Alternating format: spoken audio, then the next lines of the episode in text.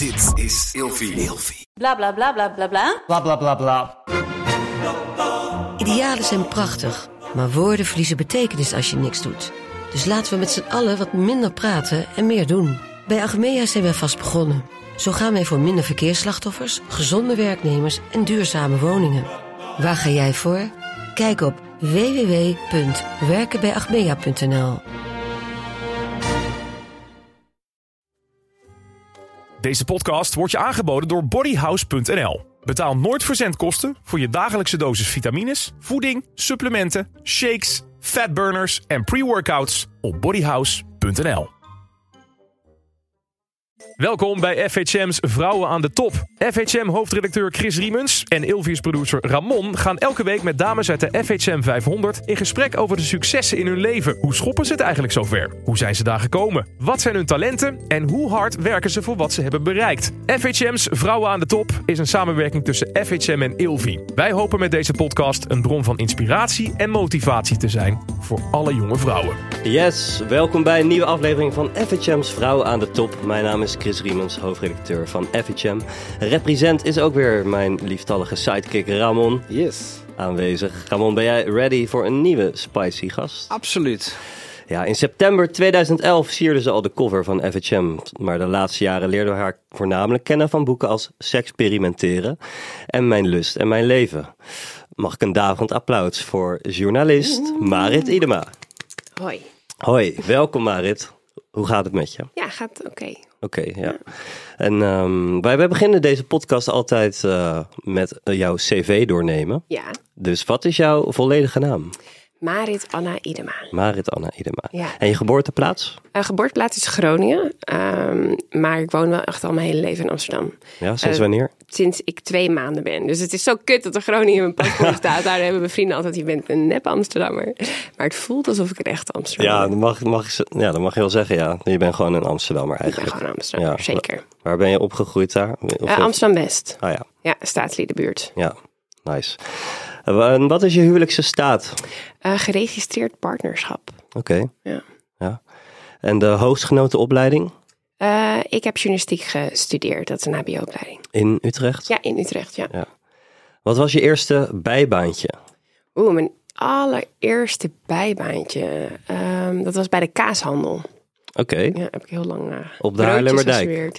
Nee, wegenwijs op de Roostergracht. Broodjes gesmeerd, stukjes kaas afgesneden. Dat was echt trouwens een groot fiasco, want ik was ontzettend slecht daarin. Ja. Ja, als je zei mag ik een kilo kaas, dan kreeg je twee kilo. Je scheutig was je. Scheutig kaasmeisje. Ja, ja. En wat was je eerste echte baan voor je gevoel? Mm, mijn eerste Of was er bij een fulltime baan?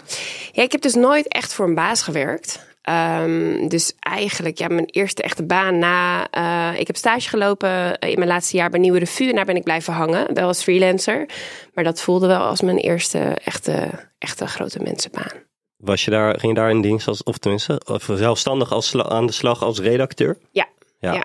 daar gaan we zo meteen nog over hebben. Wat, eh, wat voor auto rij je? ik rij helemaal geen auto. Nee? Nee, nee, nee. Ik heb wel een rijbewijs, maar niemand durft bij mij in de auto te stappen. Nee, ik woon echt in de binnenstad van Amsterdam. Ik ben opgegroeid zonder auto. Mijn ouders hebben geen auto eh, uit de milieuoverwegingen. En ik, ja, ik hoef nooit ergens naartoe met een auto. Ja, bijvoorbeeld vandaag ben ik in Schiedam, maar ehm, dan gaat het prima met de trein. Ja, Ja, Dat gaat ook eh, prima. autoloos leven. ja ook wel relaxed. Ook qua kostenpost eh, wel beter. Ja, zeker. Ja. Ja, en voor het milieu natuurlijk. alles met de fiets. Alles met de fiets. Welke opdracht die je in je leven hebt gedaan, heeft de meeste indruk op jou gemaakt? Hmm. Even denken. Toen ik heel jong was, heb ik ooit een keer een misverkiezing eh, gewonnen. Dat, en die misverkiezing, die, de finale daarvan was in Las Vegas. Dat heeft wel heel, heel, heel veel indruk gemaakt. Maar modellenwerk was natuurlijk wel meer mijn eh, bijbaantje. Uiteindelijk hebben denk ik het schrijven van mijn boeken... dat heeft de meeste impact gehad op mijn leven. En is het best geweest voor mijn carrière. Ja. Maar zo'n zo, zoiets meemaken in Las Vegas is wel eh, heel intens. En Hoe- dat wat- blijft je wel voor altijd bij. Dat geloof ik, ja. Wat voor verkiezing was dat? Ja, een bikini contest. Het was echt gewoon zo'n zo'n misverkiezing, eigenlijk zoals je het kent van, van de films. Ja. Dat je verschillende rondes hebt en dat je iets moet zeggen World over peace. eh, world peace, inderdaad. En wie inspiratie is. Ja, En hoe was het in Las Vegas? ja, dat was fantastisch. Ging je in Ja. eentje? Eh, mijn, des, de, eh, mijn vriendje van destijds, die, eh, die ging mee. Mijn ouders die, die zaten in het publiek. Eh, dus niet helemaal alleen. Spannend. Wat vette stad lijkt me om een, een keer naartoe te gaan. Zeker. Deze vraag heb je eigenlijk al beantwoord. Zelfstandig of in loondienst? Zelfstandig. En altijd geweest. Altijd geweest. Wat, wat, wat spreek je daar zo in aan? De vrijheid. En nu moet ik wel bij zeggen, als je schrij als schrijven je beroep is, Mhm. dan is er ook wel weinig keus in loondienst. Dus ik, ik bedoel, ik zou, ik, ja, voor mij is het wel een bewuste keuze, maar ik denk dat er voor heel veel mensen die mijn beroep uitoefenen, dat het niet per se een bewuste keuze is. Want er zijn gewoon weinig eh, banen in vast dienstverband. Precies, in de journalistiek werkt het gewoon beter als je flexibeler bent en voor meerdere opdrachtgevers inzetbaar bent. Ja, en het heeft ook iets met geld te maken. Er is gewoon, het is gewoon wel een sector waar heel weinig geld is. Dus je moet heel, heel, heel hard werken voor heel weinig geld. Ja, Ja. mooi bruggetje naar de volgende. Want Ja. aan elke gast vragen wij, heb jij de afgelopen jaar meer of minder dan 100.000 euro verdiend? Minder. Minder, oké. Wat wilde je vroeger worden als klein meisje? Oh, Toen je jonge Marit was. Ja, ik was wel echt een prinsesje vroeger. Dus ik, ik droomde wel echt over... eh, mijn moeder zei altijd, je wilde voetbalvrouw worden. Dat vond ze verschrikkelijk. Echt, mijn moeder is echt een diehard feminist. Zei, zei altijd tegen me, jij wil gewoon zo min mogelijk doen en alles hebben. Dat is ook wel een tijdje zo geweest. Daar droomde ik wel over. Ik wilde dan beroemd worden. Maar zonder duidelijk doel van hoe ik daar, of ik daar hard voor wilde werken. Nee, niet per se. Dat was wel heel lang. Ik ben heel lang heel, heel lui geweest. Ja. Heb je ooit wel eens met, ben je ooit dichtbij geweest bij voetbalvrouw zijn? Nee, nee, absoluut niet. Ik had wel op mijn 18 een heel fout vriendje die eh, ook smeet met geld en heel materialistisch was. Ehm, maar nee, dat was denk ik wel het dichtste erbij, eh, maar niet in de verste verte niet. Het was trouwens nooit zo'n concrete droom hoor. Het is niet zo dat dat, dat, dat, is meer de draai die mijn moeder daar Ja, gaf, ja, maar meer om aan te geven dat Ja. ik gewoon wel echt Je droomt gewoon van een luxe leven. een luxe leven, Ja. inderdaad, met veel vrijheid. Dus gewoon dat, dat, dat idee, ja. Maar Ja. is dat gelukt? Nou, er is bij mij op een gegeven moment eh, echt een omschakeling gekomen. Ik heb. eh, ik zie er leuk uit. Dat heb ik, dat, daar, daar heb ik wel profijt van gehad. Een heel groot deel van, van mijn leven. Maar daardoor werd ik ook wel heel lui. Want ik dacht eigenlijk al van best jonge leeftijd van... nou, het komt wel goed, weet je. Eh, er komt van alles op mijn pad. Er kwam ook van alles op mijn pad. Ik deed modellenwerk waar ik eigenlijk... eh, ja, niet hard voor hoefde te werken en best veel geld mee verdiende. En dat zorgde er wel voor. En mijn ouders vonden het verschrikkelijk dat ik bijvoorbeeld niet ging studeren. Ik had zoiets van: nee, joh, studeren dat is heel hard werken. Laat mij maar gewoon een beetje aankloten en lekker feesten. En geld verdienen met modellenwerk waarvoor je twee keer in de week hoeft te werken. Ehm, maar uiteindelijk ben ik daarmee wel heel, heel, heel hard op mijn bek gegaan. En ehm, ik, ik weet nog wel dat ik destijds ook eh, als sidekick bij TMF werkte. En dit is, ja, dit is een van de, van, de, van de momenten waardoor ik dacht van... oké, ik ga het gewoon echt niet redden hierop. Alleen je moet gewoon echt iets kunnen en meer willen dan dit.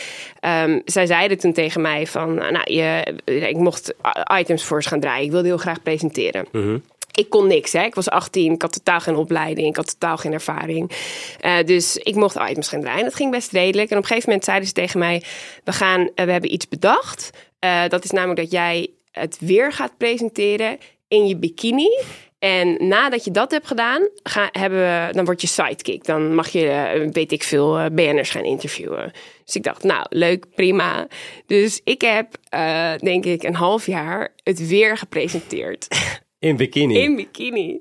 En het was zo pijnlijk als je er naar keek. Echt niemand van mijn vrienden of mijn ouders kon het überhaupt kijken. Want je ging gewoon. Het was gewoon. Je kent van die momenten dat je denkt van. Oh, dit is gewoon echt pijnlijk. Gewoon dat je maag omdraait. Dat was. Het was niet eens grappig meer. Het was niet grappig, dat was het ook. Die, iemand had die teksten geschreven, het was totaal niet grappig. Ik stond erbij als een eh, blonde bimbo met eh, gigantische borsten die ik destijds nog had. En ehm, uiteindelijk, aan het einde, dat, dat liep ook totaal niet. Niemand vond het leuk, het was ook niet leuk. En aan het einde van de rit eh, was, is ook besloten dat het allemaal niet doorging. En daarna hebben mensen ook tegen me, zeiden mensen ook tegen me van ja, je had dat nooit moeten doen, dat weer in je bikini. Want vanaf nu gaat niemand jou nog ooit serieus nemen.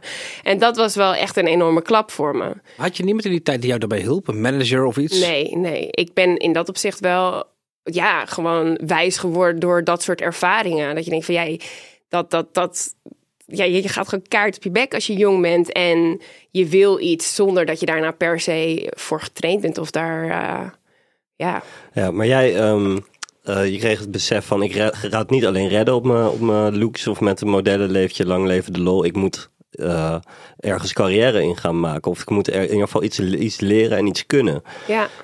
Ja, ik had altijd wel de droom om schrijver te worden. Dat, dat was iets wat altijd op de achtergrond al vanaf dat ik heel klein ben, eh, schrijf ik verhalen. En dat is altijd mijn passie geweest. Ik denk dat er ook wel iets bij zat dat ik dacht van als ik daarvoor ga en het lukt niet, dan is het lastig. Dus ik heb me altijd gefocust op die andere kant, want ik dacht dat is lekker makkelijk. Maar eigenlijk vanaf het moment dat dit soort ervaringen als met dat team heeft, dat, nou, daar heb ik nog tien, tien situaties van. Dus op een gegeven moment dacht ik gewoon, ik moet gewoon gaan studeren. Daar had ik heel weinig zin in. Um, maar toen heb ik, um, heb ik me aangemeld voor de School van Journalistiek. Er is een hele strenge toelatingseis. Ik ben aangenomen. En eigenlijk vanaf dat moment, toen ik deed waar ik heel goed in ben, nog steeds heel Schrijven. goed in ben, schrijven. En iets wat niks meer met mijn uiterlijk te maken had. Ik, ik, er is een soort van knop omgegaan. En vanaf dat moment heb ik eigenlijk, 21 was ik toen, heb ik altijd heel, heel hard gewerkt. Ja, want wat, Tegenovergestelde. wat heb je opgestoken van die opleiding? Ja, heel veel mensen zijn heel negatief over, uh, over die opleiding. In maar- Utrecht was het? Ja, in Ja. Utrecht, ja. Eh, ik heb er heel veel van opgestoken. Wat, wat, wat wel jammer was, is dat er wel... eh, ik wilde eigenlijk al heel jong over seks schrijven. Daar werd wel heel erg op neergekeken. Ik dacht van, ja, je gaat niet over seks schrijven. Het was wel altijd hard nieuws. Dat is vet. En zacht nieuws, zoals wat ik wilde doen. Ik heb, ik heb niet zo heel veel met nieuws. Eh, daar werd heel erg op neergekeken. Dus dat was jammer. Maar aan de andere kant heb ik ook wel alles geleerd. Dus het harde nieuws heb ik ook geleerd. Je leert natuurlijk beter schrijven. Eh, de verschillende facetten van de journalistiek, radio maken, televisie maken. Ik heb overal mee geëxperimenteerd. En daardoor ook wel echt ge- gewoon oké, schrijven is wat mij het beste ligt van alles. Mhm. En na die opleiding kwam je, was je klaar, je had hem je was afgestudeerd. En toen, je had stage geloof ik bij een nieuwe revue. Ja, stage, dat was mijn eindstage bij Nieuwe Revue. En eh, dat ging heel goed. Eigenlijk de eerste paar weken dat ik daar zat, heb ik al meteen de cover stories, mocht ik meteen schrijven. Dus ik heb heel veel ervaring daar opgedaan. Uiteindelijk leer je het ook zo natuurlijk door gewoon te publiceren, te publiceren, te publiceren. En ehm, het probleem was dat het dat was ook wel een hele harde leerschool, omdat ja, het gaat gewoon heel slecht in de journalistiek al jaren. En ik ging eigenlijk eh, pas schrijven op het moment dat het gewoon echt, Sanoma was het destijds nog, ehm, was bezig met iedereen eruit te werken, waardoor die sfeer heel naar was. Dat weet ik nog wel. Het was echt wel een hele, hele heftige omgeving in dat opzicht. Totaal geen warm bad. Maar ook dat, daar krijg je een dikke huid van. Zeker. En nieuwe revue is ook een, eh, is een opinieblad. Ja, opinieblad. Is daar ook, kon je daar ook je verhalen over seks kwijt? Ja, Want je bent seksjournalist, zo zeg je zo, Ja. toch? ja, ja, ja, ja, daar kon ik echt mijn verhalen over seks kwijt. Dus daar is Wat voor dingen heb je daar ge? Dingen met een rauw randje. Ik heb toen. eh, ik heb ook andere verhalen hoor. Niet over seks, maar ook. Ik, ik heb een verhaal, mocht ik schrijven over bijvoorbeeld 20 jaar Wasteland. Is mijn favoriete feest. Eh, en allemaal dat soort dingen. Daar kreeg ik wel de ruimte voor. Eh, gekke fetishen en bizarre seksfeesten. Ja, daar hadden ze bij Nieuwe Revue wel oren naar. Ja, snap ik. Daar wil ik zo meteen nog veel meer over horen. Want het is natuurlijk, eh, als journalist is het goed om je te specialiseren in een bepaald vakgebied. Hoe kwam het dat jij je dan wilde specialiseren of wilde profileren, ook als seksjournalist? Ja, dat, wat- daar werd dus heel erg op neergekeken, wat ik al in het begin zei. Maar ehm, die wereld heeft mij altijd enorm getrokken. En, en dan heb ik het vooral... Je hebt, je hebt zoveel als het op seks aankomt. De rol die seks speelt binnen de relatie, daar focus ik me nu vooral op. Eh, maar destijds, toen ik eh, net klaar was met school, wilde ik vooral, vond, vond ik het vooral heel interessant. Waarom hebben mensen bepaalde fetishen? Wat voor feesten zijn er allemaal? Dat was deel ook persoonlijke interesse. Ik wilde gewoon die, die, onbekende, die voor mij onbekende wereld verkennen en daarover schrijven. En het intrigeerde me gewoon heel erg dat mensen bijvoorbeeld geil kunnen worden van bomen. Dat je dacht, the fuck, ik wilde dat, ja, dat gaan uitzoeken hoe dat zit. En was het misschien ook dat je daar vanuit persoonlijke interesse dat je niet per se daarheen durfde, maar omdat het in rol van journalist was, dat, dat je dan wel er naartoe kon? Nou, ik maak altijd een beetje onderscheid tussen. Ik, ik, ja, ik participeer ook heel veel. Ik ga heel veel naar, eh, naar seksfeesten waar ik anders ook naartoe was gegaan als ik niet erover had geschreven. Maar het is natuurlijk wel veilig om in een eerste keer te kijken van, oh ja, ik schrijf hierover.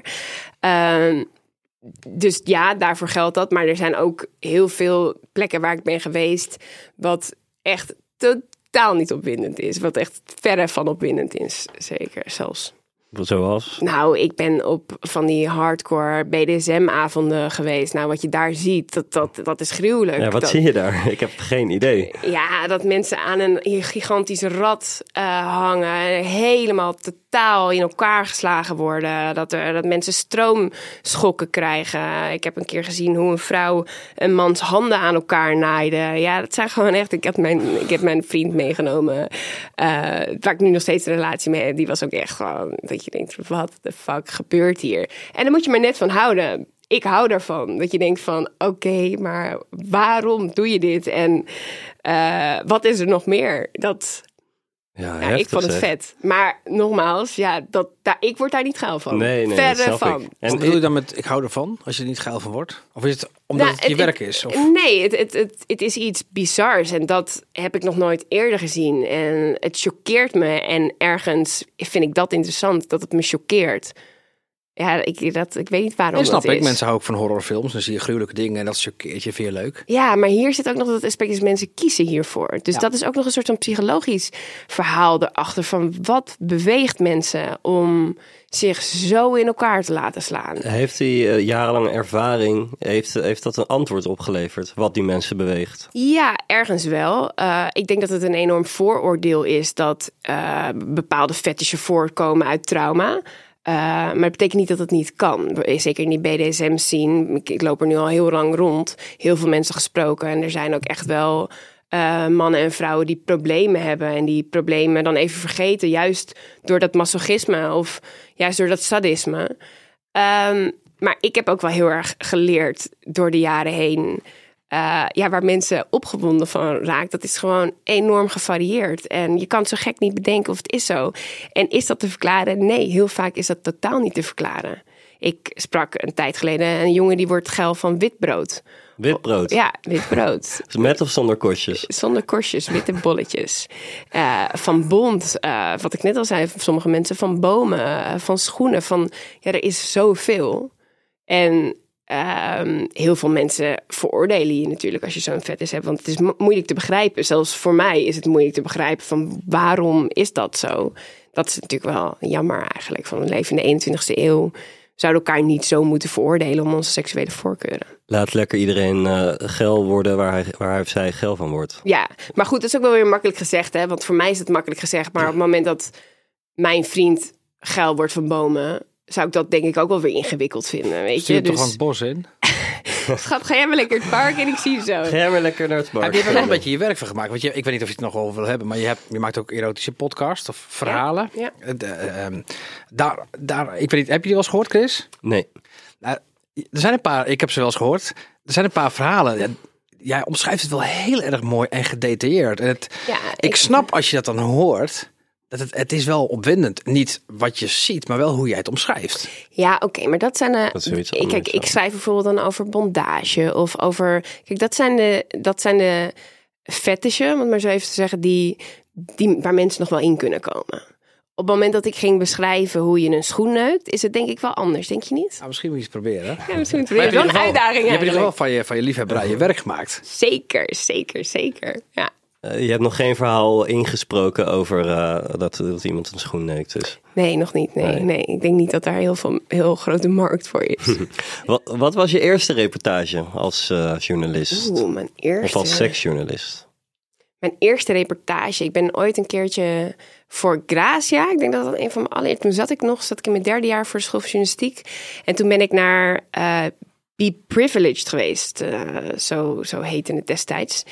Ehm, ja, dat is een seksfeest. Een soort high-end seksfeest? High-end seksfeest, ja.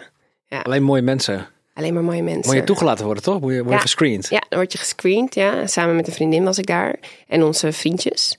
Dus dat was wel heel spannend, ja. En wat eh, heb je daar ook ernstig verbaasd of juist was je, of viel het allemaal wel mee wat je daar zag? Nou, het viel me eigenlijk een beetje tegen, om heel eerlijk te zijn. Want ik, ik ga al vanaf mijn zeventiende naar Wasteland. En Wasteland is echt een gekke huis. Een gigant, Wasteland is het grootste fetishfeest eh, van Nederland.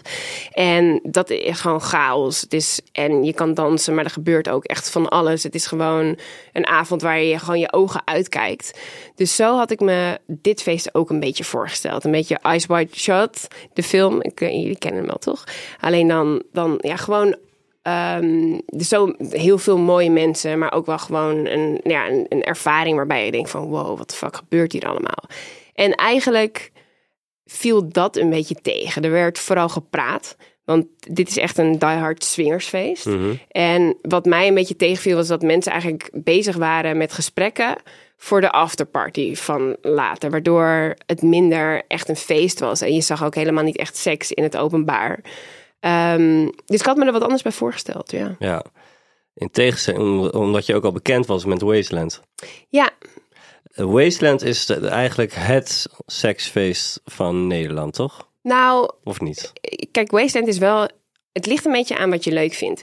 Voor Wa- Voor Wasteland geldt weer dat het, het- ik vind het het allervetste feest wat er is. Überhaupt. Dit- Omdat iedereen kan daar zichzelf zijn. Je ziet van alles. Maar het is denk ik, als je het een seksfeest noemt, wat het natuurlijk wel is, het is. Er, er gebeurt zoveel wat ook niet opwindend is. Ik bedoel, je ziet vrouwen aan haken hangen, eh, aan hun rug. Het bloed stroomt naar beneden. Je ziet, ik heb ooit een keer een man gezien die zijn tanden had afgeslepen en de grond likte. Eh, je ziet mannen aan halsbanden over de vloer getrokken worden. Dus ik ben ooit een keertje mijn buurman tegengekomen die daar in een rijtje een orgie had. Trouwens, toen was ik net 18, die schrok zich helemaal kapot. Dus ik wil alleen maar zeggen, er gebeurt heel veel en dat is fucking vet. Maar het is niet zo dat je denkt van, wow, nou, waar, ik kijk mijn ogen uit en ik word er ontzettend opgewonden van. Nee. Maar is dat meer dan dat chockerende wat je zo aantrekt in dat feest? Ja, dat was zeker in het begin. Inmiddels heb ik alles natuurlijk wel een beetje gezien. Ehm, maar inderdaad, het chockerende. Wat, wat heel leuk is aan Wasteland is dat, er, dat, het, dat alles samenkomt. Dus je hebt heel veel homo's, je hebt heel veel hetero's, je hebt dus swingers, je hebt veel singles, je hebt eh fetischisten die in, in kleine dorpjes wonen, die voor het eerst dan door die één keer per jaar zichzelf durven te zijn, die alleen komen. Je hebt bijvoorbeeld een man die daar altijd naartoe komt, die eh, gewoon naakt daar rondloopt op blote voeten. Ook elk jaar zie je hem terug. Dus er is zo ontzettend veel. Is dan weer, hé hey Jan! Hé, hey, Jan, ben je er weer? Maar het mag toch niet alleen in die feesten? Ja, wel. Kijk, dat is het grote verschil ook tussen Wasteland en bijvoorbeeld zo'n high-class eh, feest. Ehm, Big Little Secrets, dat vind ik hele leuke feesten. Ehm, daar gaat het wel echt los. Qua dansen en Qua dansen, ja, dat is voor mij ook gewoon wel belangrijk. Ik heb helemaal geen zin om met mensen te praten de hele avond. Dat is echt totaal niet waar ik op zit te wachten. Eh, dus voor mij is die muziek ook heel belangrijk. En dat het gewoon een, echt een vet feest is. Dan, gaat, dan maak je die connectie ook wel vanzelf. Maar meer met oogcontact in plaats van met een gesprek. Dat Ja. heeft meer mijn voorkeur. Maar je, ja, je kan ook naar Awakenings gaan. Kan absoluut, ja. heb je veel tieners tegenwoordig. Maar Is dat het verschil dat je eh, eh, met een business mindset naar zo'n fetishfeest gaat? Of heeft het er niks mee te maken? Dat is natuurlijk met jou wel een beetje verweven, denk ik, persoonlijk. Ja, dat business. is heel lang verweven geweest. Ja, zeker. Dus ik heb ook altijd... Het is een beetje een win-win voor mij. En ik heb een hele leuke avond. En er gebeurt misschien wat. En ik cijfer een stuk over. Ja, zeker. Declareer je de kaartjes ook dan bij zaak? Ik krijg gratis kaart. Ja, inmiddels eh, sta, sta jij eh, op de lijst, mag Zeker. Je hebt eh, meerdere relaties gehad, maar je hebt op een gegeven moment een langlopende relatie gehad. En zoals dat gaat in een langlopende relatie, dan wordt de seks op een gegeven moment minder belangrijk.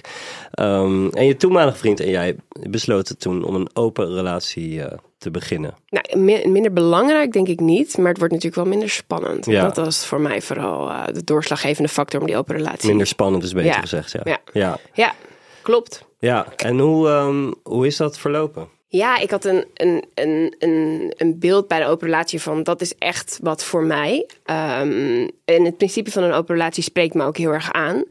Even vertellen wat voor mij een open relatie is, is dat wij eh, hadden seks met anderen, maar in de liefde hadden we afgesproken dat we monogaam zouden blijven om het behapbaar te houden. Eh, anders wordt het een polyamoreuze relatie, dat je meerdere liefdesrelaties he- hebt. En dat leek mij heel ingewikkeld. Eh, het lastige was, daar kwam het uiteindelijk wel op neer. Want ik ben gewoon niet zo heel goed in. eh, als ik een leuke klik heb met iemand en ook nog fantastische seks met diegene, dan ga ik gewoon meer voelen. In dat opzicht kan ik liefde en seks gewoon niet zo goed scheiden. En ja, dat ging compleet mis bij ons. Want ik ging niet alleen maar, ik, ik zocht niet alleen maar seks op met mensen, met mannen. Uh, maar ik ging ook daarna film kijken en sushi bestellen. En dat was niet de bedoeling. Dus ik ging eigenlijk nog steeds vreemd. Ja, en kon, ehm, kon je dat dan wel onderling bespreken? Nee, dat was het lastige. Eigenlijk achteraf gezien, mijn ex stond helemaal niet achter dat hele open relatieverhaal. Als het aan hem had gelegen, had hij gewoon liever een monogame relatie gehad. Dus hij deed al een concessie door mij die vrijheid te gunnen. Maar onze afspraak was dan wel van ik wil het absoluut niet weten, want ik kan het eigenlijk niet aan. Ik wil het bij hem wel heel graag weten. Dat was juist deel van die van, van wat me zo aansprak. Dat zoveel mensen bedriegen elkaar. En ik vond het juist heel mooi dat je ja, dat open bespreekt en dat je elkaar wat gunt. En uh, ik vond het ook nog wel opwindend om het te horen wat hij nou precies met andere vrouwen deed. Ik vond het wel spannend. Hij had dat totaal niet. Wat, wat wind je daar dan in op? Op een gegeven moment ga je elkaar zo verliefd nemen. Um, en op het moment dat hij dan vertelde dat hij het met een, met een hele aantrekkelijke nieuwe vrouw had gedaan, dan zag ik hem weer een beetje door haar ogen. En dat zij hem zo graag wilde, zorgde ervoor dat ik hem ook weer meer wilde. Ja, ja. Dus uh, dat gevoel van opnieuw willen veroveren. Ja, en ook van hij is van jou, maar iemand anders wil hem ook. Dus ja. dat, ja, ik was zo op zoek altijd naar een soort van ja, thrill seeking. Weet je, dat gevoel wilde ik gewoon heel. Ja, dat grootste mislepend leven, dat dat, dat, dat, dat, dat hoort daar ook wel een beetje bij. Ja, en hoe is dat um, verder afgelopen? Want ja, je zei al, hij had achteraf gezien liever een monogame relatie wil. Jij die vrijheid wel, maar jij uh, werd weer verliefd op een ander wat niet helemaal werkte. En zoals het niet was afgesproken. Ja, ik ben verliefd geworden uh, eigenlijk op twee, uh, op twee mannen. Echt verliefd. Eentje was meer een fling. En de laatste, daar heb ik inmiddels een kindje van twee mee. Dus ja, dus ik ben gewoon echt oprecht echt heel verliefd op iemand anders geworden. En dat is natuurlijk altijd een risico in elke relatie. Ik bedoel, ook in een monogame relatie kan je verliefd worden op iemand anders. Um, maar wat mij heel erg aantrok aan mijn huidige partner is dat we ja, wel meer op één lijn zitten in dat opzicht. En uh, wij hebben nu, ik zou het geen open relatie noemen, maar we gunnen elkaar wel van alles. En alles is bespreekbaar. En bij mijn ex was het meer van: oké, okay, uh, elk weekend, wat is er? Wat is er? Dat was in die tijd nog geen Tinder, maar bij wijze van spreken: oké, okay, het is weekend, we gaan de hort op. En ja, dat leven draaide echt. Dat hoort ook wel wat meer bij die leeftijd natuurlijk. Bij uh, het veroveren en op mm -hmm. jacht gaan. Ja. En nu in onze huidige relatie is het meer zo van: we geloven niet dat je een relatie lang, een leven lang monogaam kan blijven. Dat is gewoon niet realistisch. Ik zeg niet dat niemand dat. Ik bedoel, voor sommige mensen werkt monogamie wel. Maar voor ons allebei niet. Ja. Tenminste, niet een leven lang. Dus Nee. we zijn gewoon realistisch in dat opzicht. Dus als, als hij iemand leuk vindt, dan zegt hij dat tegen mij: van hey, ik heb iemand ontmoet. En ja, die vind ik leuk. En dan zeg ik: oké, ga maar verkennen. En dan heb ik het wel over seks. Hè? Ik, Ja. ik moet niet hebben dat hij verliefd wordt op iemand. Dat, dat is wel waar ik de grens trek. Ja, Ehm, een mooie, bijzondere insteek vind ik. Ehm, en ik kan me daar zelf ook wel in, eh, in herkennen. Ramon, jij hebt daar ook wel ervaring mee. Ja, nee, ik hou me hier volledig buiten. Ik krijg heel veel ruzie. Heel wijs. Maar ik, eh, ik, eh, ik, ik snap wat je zegt. Ja. Ja, oké. Ehm, ni- niet iedereen eh, schrijft er vervolgens een boek over. Nee. Nee. Jij besloot dat wel te doen. Ja, ja. Ja, ik vind het gewoon zo lastig dat heel veel mensen die een... Kijk, monogamie is de norm. En heel veel mensen die niet monogame relaties hebben, die, die leven, die, die willen daar, die zijn er heel erg eh, stiekem over. Stiekem is misschien niet helemaal het goede woord, maar die willen dat liever niet delen, omdat je toch snel veroordeeld wordt. Zeker als je als vrouw zegt van, hé, hey, ik geloof niet in monogamie, ik doe niet aan monogamie, ik krijg zoveel shit over me heen. Dat wil je echt niet weten. Dat boeit me niet, maar ik snap wel heel goed dat als je een ander soort baan hebt, kijk ik heb ook wel, ja, seks is mijn werk, ik schrijf erover. Maar als je, weet ik veel, een ander soort baan hebt, dan is dat wel een stuk lastiger natuurlijk. Als je daar gewoon vrij voor uitkomt, misschien. Wat voor shit kreeg je over je heen? Ja, vuile hoer, dat soort gewoon echt honderden berichten. Maar Met... niet op straat. Nee, Allemaal, nou ja, ook wel eens, eh, ja, vooral online, ook wel eens op een festival van, van Jezus, wat ben jij een slet. Ja, dat krijg je. Terwijl zoveel mensen gaan vreemd. Maar op het moment dat je zegt, dat je er eerlijk voor uitkomt van oké, dat, dat ik wil de boel niet belazeren. Ik wil gewoon op een eerlijke manier gewoon zeggen van ik geloof niet in, in een leven waarin je het alleen maar met elkaar doet. En kijk om je heen, hoeveel mensen lukt dat. Ja, mensen vinden het toch bedreigend. Vrouwen, sommige vrouwen vinden het ook bedreigend. Ik heb ook wel eens gehad dat toen ik nadat ik dat boek had geschreven, dat, dat vrienden van mij, dat hun vriendin ineens zoiets had van: nee, haar moet ik niet in jouw buurt. Want zij gelooft niet in monogamie. Dat je denkt, oké, alsof als ik niet in monogamie geloof, dat ik je vriend ineens van je ga afpakken. Weet je, die manier van denken, dat, ja, ik volg het niet helemaal, maar dat soort dingen heb ik wel veel meegemaakt. Ja, en het was, eh, het liet je volledig koud, al die negatieve berichten. Deed je helemaal niks? Nou, leuk is anders. Ik, ik bedoel, je hebt liever dat je alleen maar positieve berichten krijgt. Maar het motiveert je ook wel weer van... hé, hey, dit is een onderwerp wat echt besproken moet worden. Want blijkbaar is, is, ja, gaat het hier hartstikke mis. Ja, super hypocriet ook eigenlijk. Fucking je- hypocriet. Ik weet zeker dat, dat veel van die mannen die mij die berichten sturen... heus wel een keertje vreemd zijn gegaan. Ja, het is die dubbele moraal, daar heb je sowieso mee te doen. Zeker als vrouw, als je schrijft over seks, krijg je gewoon veel... eh, zeker als je over je eigen seksleven schrijft. Zeker als dat seksleven niet binnen de norm valt. Je krijgt gewoon veel shit over je heen. Ja, en je stelt je super kwetsbaar op, omdat het over jezelf gaat. Ja. Is, was, is dat moeilijk? Moest je een drempel over? Nee, eigenlijk is dat zo geleidelijk gegaan. Omdat ik eigenlijk al mijn hele werkende leven ook over mijn privésituaties schrijf. En dat ligt me ook het best. Ik denk dat ik dan ook de beste dingen schrijf. Dus de lusten wegen altijd op tegen de lasten. Ja. Maar het is wel heel anders als je het schrijft. En het op die manier deelt met de wereld. Het is toch vrij anoniem. En als, als je er dan vervolgens iemand ja, over hoort, iets over hoort zeggen, dan is het natuurlijk, dat is wel Ja. anders. Ja. En ehm, je vertelde voor de uitzending vertelde dat, je, dat je moeder redelijk feministisch is. En haar Nou, redelijk. Die hard. Ik ben zelf hard. ook hartstikke feministisch, hè? Ja. Ja, zeker. Maar wat heeft dat nog ehm, strubbelingen opgeleverd? Nou, mijn moeder had wel eh, heel veel moeite met dat het eerste deel van mijn leven, dat ik mezelf totaal als lustobject. Ja, de FHM-cover van een aantal jaar geleden. Die Daar staat hij achter ons. Ja, Hoe werd, ja, in 2011 stond je bij ons op de cover. ja, ja, en ik heb zelfs nog een Prachtige keertje in foto's. 2009 ook ergens in FHM gestaan. Ja. Eh, ook eh, heel. En al die jaren lang in de FHM 500 ook. Je bent niet lelijk daar, hè? Nee, ik ben zeker Prachtig niet lelijk daar. Ik was zo'n mooie 18-jarige. Maar hoe reageerde je daar, je moeder daarop, op die FHM cover?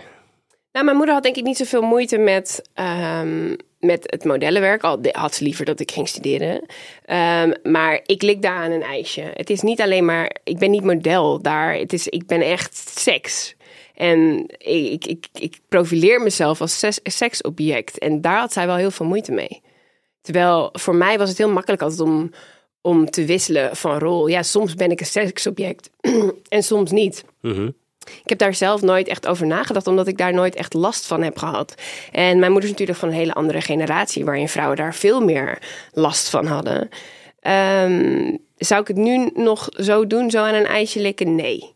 Nee. Nee. Nee. Met de FHM 500 krijgen we ook wel eens de kritiek dat het een eh, seksualiserend blad zou zijn waarin we vrouwen neerzetten als lustobject. Hoe kijk jij daarnaar? Ja, ik, ik, voor mij is, is, ik vind het niet erg, want ik heb het gevoel, ik zet mezelf zo neer. Ik vind mezelf sexy en ik vind het leuk als andere mensen me sexy eh, vinden. Dus ja, ja ik, ik, ik kijk daar niet zo naar. En maar ik, ik snap de kritiek. Ik, daarom denk ik het mooi is dat jullie ook dit soort dingen doen. En dat het niet alleen maar het plaatje is, maar ook de inhoud. Op het moment dat het een samen, eh, als je het samenvoegt, is het natuurlijk helemaal mooi. Maar ik heb nooit zoveel moeite gehad met die vleeskeuring, zolang het een eigen keuze is van de vrouw. Ja, precies. Daarom hebben we dit jaar ook het thema Women in Control gekoppeld aan de FHM 500. Ja, ik denk dat het mooi is dat ja, jullie dat daarom doen. willen benadrukken dat het een Ja. keuze is van de vrouwen zelf om aan zo'n FHM 500 Ja. mee te doen. Precies, en nu ook de foto's die er voor mij in staan, die zijn pikant. Maar daar kies ik zelf voor om ze zo pikant te maken. Ik kan Ja. ook mijn kleren aanhouden, maar ik doe ze vaak uit. en het is, ehm, eh, heeft denk ik een positieve invloed op de verkoop van je boek ook. Of niet? Ja en nee. Ik vind qua altijd een- cover spreekt meer aan natuurlijk. Springt meer uit Ja, eruit. maar ik denk wel dat dat is een beetje lastig, hè? Want wie is je doelgroep? En ik denk dat als je naar mijn boeken kijkt, dat de vrouw ook wel echt mijn doelgroep is. Ehm, maar ik heb wel geleerd van mijn eerste cover, die is heel sexy. Vrouwen willen die niet op hun nachtkastje hebben. Dat heb ik, dat, die kritiek heb ik vaak Is die met gekregen. Colbertje? Ja, die met het colbertje een hele diepe decolleté. En ik heb wel een paar keer gehoord, bijvoorbeeld van mannen, zo van ja, ik wil je boek heel graag lezen, maar dan wordt mijn vriendin boos. Ik vind het al heel moeilijk om dat te bevatten, dat je om dat soort dingen boos wordt. Maar het is wel iets wat ik probeer mee te nemen. Dat je denkt van oké, voor vrouwen kan het dan toch ja, niet zo heel prettig zijn. Of dat, dat, ja, dat het toch intimiderend is op Ja. een bepaalde manier. is natuurlijk het laatste wat ik wil. Ja, snap ik. Is eh seksperimenteren, is, hoe goed is die eh, verkocht? Ja, Sexperimenteren is heel goed verkocht. Er is nu net, een, of net alweer een half jaar geleden de zevende druk uitgekomen. Wow. Dus eh, Hoeveel exemplaren betekent dat? ja, rond de 10.000 gaat het naar. Het wordt natuurlijk ook nog als, als luisterboek. En dat soort Ja. dingen gaat het ook best goed. ja, Dus voor de Nederlandse boeken is dat, heel veel. is dat goed. Ja. Ja, dat is en je tweede boek, die is Ja. sinds vorig jaar uit. Ja. Ja, Mijn dus- lust en mijn leven. Ja, Waar gaat dat over? leven. Ehm, mijn tweede boek gaat over eh, hoe hou je het nou in godsnaam een beetje leuk als er een kind komt. Je hoort toch zoveel mensen die, eh nou, wie, wie een seksleven eigenlijk totaal naar de klote gaat eh, na de komst van een kind. En wij hadden er zelf ook veel moeite mee om er wat van te blijven maken. Dus eigenlijk beschrijf ik gewoon hoe dat bij mij ging en hoe je het nou een beetje leuk houdt samen. Het is vooral bedoeld als luchtig, grappig boek. En er gaat gewoon een heleboel mis in die situatie. Ehm, maar je kan er samen ook alweer uh, uitklimmen en er uiteindelijk sterker door worden. En ik denk dat dat wel gewoon heel belangrijk is. Als je, je wil niet weten hoeveel berichtjes ik krijg van stellen die na de komst van een kind gewoon helemaal geen seks meer hebben met elkaar. Mhm. En ja. want jij en je partner die eh, hadden afgesproken, dit gaat ons sowieso niet gebeuren. Nee, ik dacht echt, ik, voor mij is seks zo belangrijk dat no way dat ik straks mijn seksdrive kwijt ben en dat ik er geen zin meer in heb. Dat kan ik kon ik me gewoon zo niet voorstellen. Nou, slaap vier maanden niet en je hebt wel wat anders aan je hoofd hoor dan seks. Of tenminste, na, na drie weken niet slapen heb je al, dan, je bent gewoon aan het overleven. Ja, het is denk ik Ja. voor iedereen heel eh, normaal en eh, logisch dat zoiets gebeurt. Maar hoe pak je het dan aan dat het toch weer beter gaat? Ja, wat wij, wat, waar ik echt in geloof. Is, kijk, heel vaak bij mensen denken aan seks heel vaak aan penetratieseks. Hè? En zo net na zo'n bevalling is dat voor vrouwen vaak heel pijnlijk en gedoe. Dus ik, mijn advies is altijd: begin bij wat wel kan. Eh, zorg dat je allebei bij elkaar ko- klaarkomen. Zorg dat je blijft knuffelen, dat je blijft zoenen, zodat je niet uit die flow raakt. Je, je ziet gewoon zo, het sluipt erin. Hè? Dat heb je heel vaak eigenlijk bij vrouwen dat ze zoiets hebben van: nou, ik heb net een kind gekregen raak me eigenlijk maar even niet aan. Het hoeft nu ook eventjes niet. En die laatste maanden van de zwangerschap zijn meestal ook niet de meest geile periode. Dus voor je het weet, heb je zo een half jaar geen seks gehad. En om dan weer terug te komen in die flow, dat is gewoon heel moeilijk. Vooral omdat je, je hebt een kind, je slaapt slecht, je werkt waarschijnlijk. En dat zijn allemaal factoren. Eh, je hebt ook nog een huishouden wat je moet runnen. Het zijn allemaal factoren waardoor die zin in seks ja, vaak niet echt opkomt. Dus mijn advies is blijf eh, momenten creëren dat je toch die tijd neemt voor elkaar. Ook al twee weken na de bevalling. Nogmaals, je hoeft geen penetratieseks te hebben. Kijk naar wat wel mogelijk is, wat wel lekker is. Maar zorg dat je, ja, dat je die flow niet kwijtraakt met z'n tweeën. Zorg ervoor dat je meer blijft dan alleen maar, eh, alleen maar ouders. Dat je ook geliefde blijft. Ja, En dat is echt pittig hoor. ja behoud die intimiteit. Ja, behoud die en Verval intimiteit. niet in broer en zus. Ja, en wat, wat voor ons heel goed werkt, eh, heel veel mensen vinden dat heel heftig, maar wij hebben al best snel gezegd van oké, eh, we gaan met z'n tweeën er even op uit. Gewoon heel eventjes het kind bij opa en oma of bij iemand anders. En heel veel dat je toch weer van eigenlijk beseft van wat vind je eigenlijk ook weer leuk aan elkaar. Want alles draait om die baby. En om allemaal andere zaken die sowieso niet opwindend zijn, maar ook wel gewoon reden voor, voor veel, veel ruzie. Het is gewoon heel pittig die fase. Dus neem die tijd voor elkaar en kom er weer even achter wat leuk is aan de ander. Ja, dat, dat eh, lijkt me een wijs advies. Tij- tijdens je zwangerschap, heb je toen, gunnen jullie elkaar nog steeds die openheid? Nou, ik moet eerlijk zeggen, dat is me ook echt zo vies tegengevallen. Ja, ik gun hem die openheid. Hij heeft ook seks gehad met een, eh, met een meisje toen ik echt hoogzwanger was.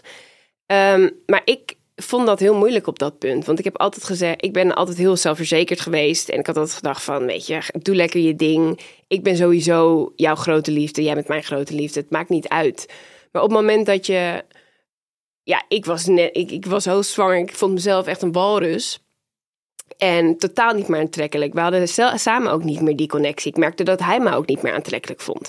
Hij deed wel zijn best, maar je ziet toch wel aan iemand dat hij het niet geil vindt. Zo'n hele dikke buik. Dat vinden natuurlijk veel mannen. Wat ik ook heel goed snap, want ik vond zelf ook niet geil.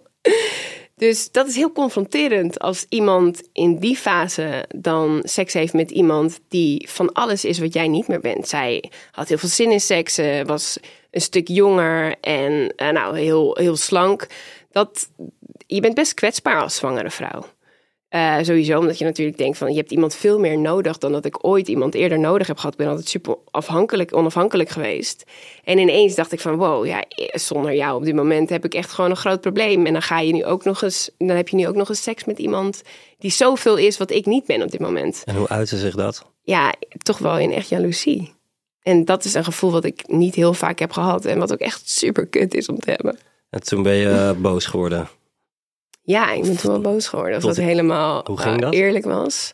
Ehm, hoe ging dat? Ja, hij, hij had van tevoren wel gezegd, ik vind haar leuk. Hij ze stuurde over en wil allemaal filmpjes die hij ook aan me had laten zien. Dus ik zei, zo, als je dat wil, ik snap het ook, weet je. We werkten allebei fucking hard. We zaten ook nog in een verbouwing. Ik snap dat je behoefte hebt aan een verzetje. Zeker ergens in ons seksleven. We doen het nog wel, maar het gaat niet meer van harte, laten we eerlijk zijn. Ehm, dus ik gunde het hem. Maar toen het ook echt daadwerkelijk zo ver was, zei ik wel tegen hem van oké, ik vind het toch echt niet fijn. En hij, maar het was, hij was daar al mee bezig. Dus hij heeft het hele berichtje niet meer gelezen. Of misschien heeft hij het wel gelezen, maar dacht hij nou, dat, zien we later wel. Hoe voelde je met een minuut kutter worden. Ja, dus ik heb terwijl hij seks had met haar, die hele nacht wakker gelegen. En de hele nacht gedacht aan wat zij aan het doen waren. En het duurde ook echt fucking lang voordat hij thuis kwam. Dus toen hij eenmaal thuis kwam, was ik woedend. Was dat terecht? Nee, dat was totaal niet terecht. Maar Opeenstapeling van de nacht die... eh, ja, precies. Dus ja, dat was niet fantastisch. nee. Nee. Na schrijven doe je ook eh, dingen voor de radio bijvoorbeeld? Ja. Podcast. Wat, wat doe je voor de radio? Eh, ik zit elke woensdag bij Slam FM. Dan praten we over seks. Seks, seks, seks, seks. Ja, ik heb een podcast die heet Charlie's Avonturen. En het gaat over een vrouw die twee kinderen heeft. En de man... Is dat fictie? Ja, is fictie. Ja, en ze vindt haar man fantastisch. Maar ze mist op seksgebied wel het een en ander. Dus dat gaat ze buiten de deur zoeken. Dus daar kan ik helemaal mijn ei in kwijt. Kijk Ramon aan. Hoezo kijk je mij aan? Omdat we hem samen hebben opgenomen. Oh ja, dat was het. Daar ken ik je van. Ja, jij hebt natuurlijk door alles wat je hebt gezien in je hele loopbaan als seksjournalist, heb je zoveel in- inspiratie om uit te putten. Ja, dat is echt zo. Ik heb zoveel gezien van alles wat mogelijk is. Dus eh, Charlie die gaat Jij, heel... hebt- ja, je hebt echt van A tot Z alles eh, meegemaakt en Ja. gezien. Ik hoor op een gegeven moment op Radio 538, dit fragment ken je ook, dat, dat een van de DJ's die zei, ik heb toch eventjes die, die podcast van Marit opgezet, het Charlie's Avonturen. Hij zegt, maar dan hoor je echt gewoon een heel mooi verhaal, wat super sexy is. Maar je zit, je hebt allemaal ramen om je heen.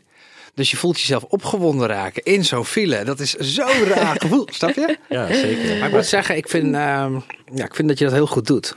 Maar je, hebt ook, je kan ook qua stem kun je dat gevoel er goed inleggen. De verhalen zijn mooi. Ja, eerlijk. kan heel geile dingen zeggen. Ja, hier worden we even stil van. Ik kan je voorstellen dat ik de hele dag met deze vrouw in de studio zat. Nee, god. En dan zei ik van, nee, maar nog, nog één keertje.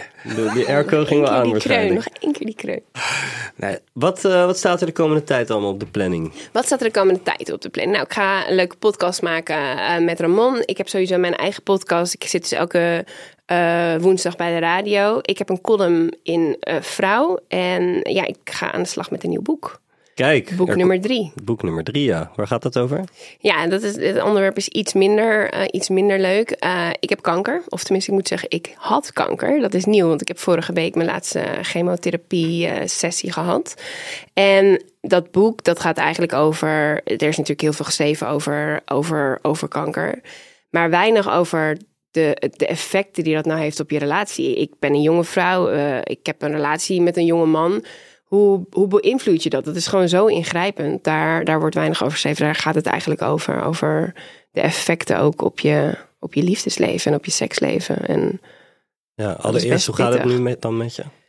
ik heb ups en downs. Ik voel me vandaag wel redelijk. Ehm, ik heb altijd heel veel aangekund. Ik kan nu een stuk minder aan. Eh, het, het, het afgelopen half jaar is gewoon heel, heel zwaar geweest. Die chemotherapie is gewoon echt, ja, het is gewoon echt een grote nachtmerrie.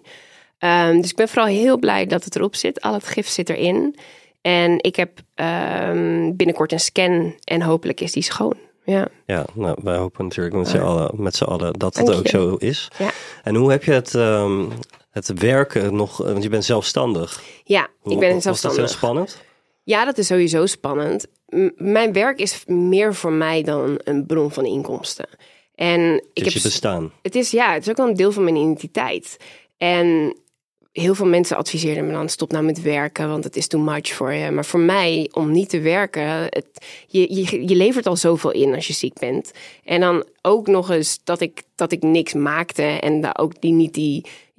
Als je iets afrondt wat, wat, wat vet geworden is, voel je ook goed over jezelf. Dus als je dat ook nog mist, dat, dat vond ik gewoon heel kut. Dus ik ben eigenlijk gewoon door blijven werken. En soms werkte dat goed uit. Maar ik heb ook wel eens met 40 graden koorts uh, seksscènes zitten schrijven.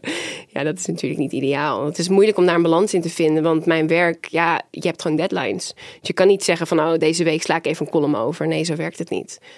Uh, maar al met al moet ik zeggen, ik, uh, het was heel zwaar. Maar ik ben blij dat ik ben blijven werken. Want ik heb gewoon heel, heel, heel hard gewerkt om te komen waar ik ben. Als je er een jaar uit ligt in mijn wereld, dan zoeken ze vervanging. En ja, dat je dat nog eens bovenop alle, alle andere ellende moet zien te verwerken. Dat vond ik een heel naar idee. Dus ik ben blij dat ik even tanden op elkaar. Ik denk altijd aan Sylvie Meis. Die uh, had natuurlijk ook borstkanker. Ja. En die heeft, um, hoe heet het ook weer? Das Talent Show gedaan met 42 graden koorts tijdens, uh, tijdens haar chemotherapie. Dus elke keer als ik bijna stier van ellende dacht ik... Sylvie Meis kan het, dus ik kan het ook. Wanneer komt je derde boek uit? Ja, daar is nog geen concrete datum daar voor. ben je nu, mee Ja, bezig. Maar ja. eigenlijk ben je getransformeerd van seksjournalist naar seks- en relatiejournalist. Ja, eigenlijk wel. Eh, Ik heb, de focus is wel steeds meer komen te liggen op de rol die seks speelt binnen de relatie. Ja, en hoe het mensen verbindt en hoe gebrek eraan, hoe, hoe dat mensen juist uit elkaar drijft. Ehm, dus ja, dat klopt wel. Ja. Tot slot, wat is het beste advies dat jij ooit hebt gekregen? Oeh, het beste advies dat ik ooit heb gekregen. Eh, dat is denk ik van mijn moeder geweest. Ehm, ja, het is misschien een beetje een open deur, maar loslaten. Ik kon vroeger wel. Soms is het. Als je bijvoorbeeld kijkt, ik, heb, ik had ruzie met mijn ex. Je kan eh, daar heel makkelijk in blijven hangen. Soms is het bijna lekker om ja, die rancuneuze gevoelens te hebben. Om haat te voelen voor iemand.